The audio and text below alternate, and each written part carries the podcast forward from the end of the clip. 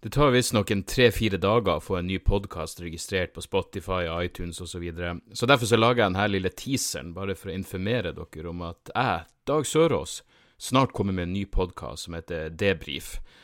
Det er noen annet konsept enn at jeg en dag i uka prater om eh, hva faen enn jeg vil. Av og til vil jeg sikkert ha med en gjest, men eh, stort sett så er det bare jeg som, eh, som snakker høyt med meg sjøl. Og høres ikke det gøy ut, hæ? Uansett så bør eh, første episode dukke opp i løpet av noen dager, men eh, start gjerne abonnementet nå, og så, eh, så høres vi igjen snart. Tjo hei! Da er det reklametid, og ukens annonsør er fiken.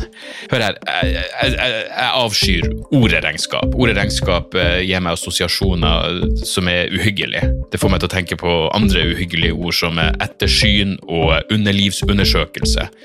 Men regnskap er et nødvendig onde, og fiken er et så enkelt regnskapsprogram at selv jeg kan klare å ha kontroll på finansene hvis jeg bruker det.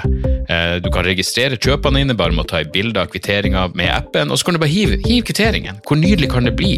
Og Fiken forholder seg også til regnskap med overkommelige ord. Det er ikke masse overkomplisert økonomisk terminologi. De kaller det kjøp og salg i stedet for hva enn de kaller det på BI. Og du kan, eh, du kan få fiken til å sende purringen dine, sånn at du slipper å gjøre det sjøl.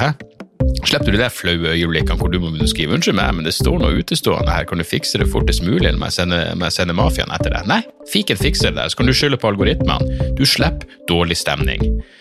Jeg syns det er utrolig greit å slippe å styre med sånne ting sjøl, og nå kan du prøve fiken gratis i 30 dager. Hva, hva har du å tape? Bokstavelig talt ingen verdens ting. Så gå inn på fiken.no og prøv fiken gratis i 30 dager. Ok? Det var det så vanskelig.